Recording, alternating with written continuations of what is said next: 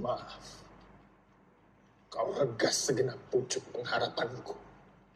Kau patahkan, kau minta maaf. Mengapa kau jawab aku sekejam itu, Zainuddin? Sudah hilangkah tentang kita dari hatimu? Janganlah kau jatuhkan hukuman. Kasihanilah perempuan yang ditimpa musibah berganti-ganti ini. Iya. Demikianlah perempuan. Dia hanya ingat kekejaman orang kepada dirinya walaupun kecil. Dan dia lupa kekejamannya sendiri pada orang lain padahal begitu besarnya. Lupakah kau siapakah di antara kita yang kejam? Bukankah kau yang telah berjanji ketika saya diusir oleh Nidi mamamu? Karena saya asalnya tidak tentu. Orang hina dina tidak tulen Minangkabau. Ketika itu kau antarkan saya ke simpang jalan. Kau berjanji akan menunggu kedatanganku berapapun lamanya. Tapi kemudian kau berpaling yang lebih gagah, kaya raya, berbangsa, beradat, berlembaga, berketurunan. Kau kawin dengan dia. Kau sendiri yang bilang pada aku bahwa perkawinan itu bukan paksaan orang lain, tetapi pilihan hati kau sendiri. Hampir saya mati menanggung cinta Yati. Dua bulan lamanya saya tergeletak di tempat tidur. Kau jenguk saya dalam sakitku. Menunjukkan bahwa tangan kau telah beringat. Bahwa kau telah jadi kepunyaan orang lain.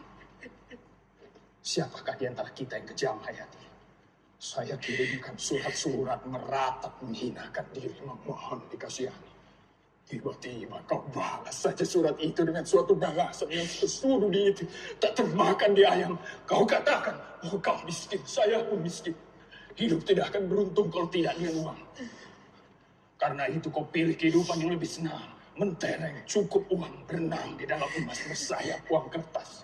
Zainuddin, Siapakah di antara kita yang kejam hayati? Siapakah yang telah menghalangi seorang anak muda yang bercita-cita tinggi menambah pengetahuan? Tetapi akhirnya terbuang jauh ke tanah Jawa ini. Hilang kampung dan halamannya. Sehingga dia menjadi seorang anak kumidi yang tertawa di muka umum. Tapi menangis di belakang layar. Tidak, Hayati. Saya tidak kejam. Saya hanya menuruti katamu. Bukankah kau yang meminta di dalam suratmu supaya cinta kita itu dihilangkan dan dilupakan saja? Diganti dengan persahabatan yang kekal. Permintaan itulah yang saya pegang teguh sekarang.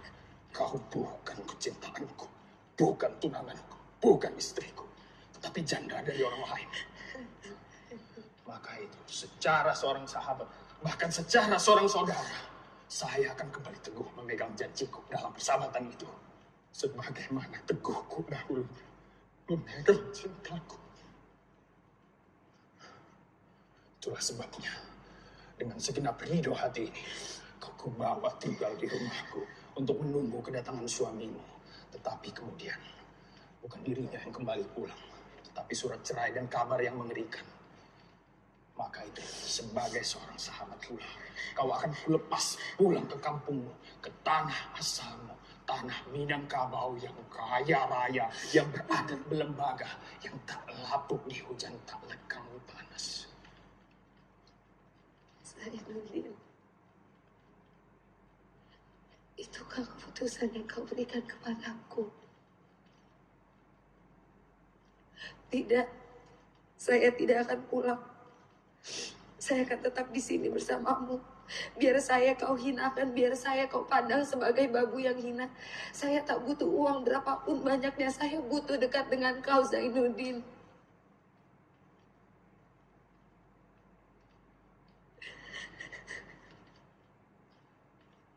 Tidak.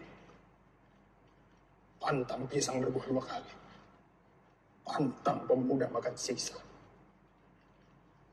Kau mesti pulang kembali kepadaku. Biarkan saya dalam keadaan begini. Jangan mau ditumpang hidup saya. Orang tidak tentu asal. Negeri Minangkabau. Beradat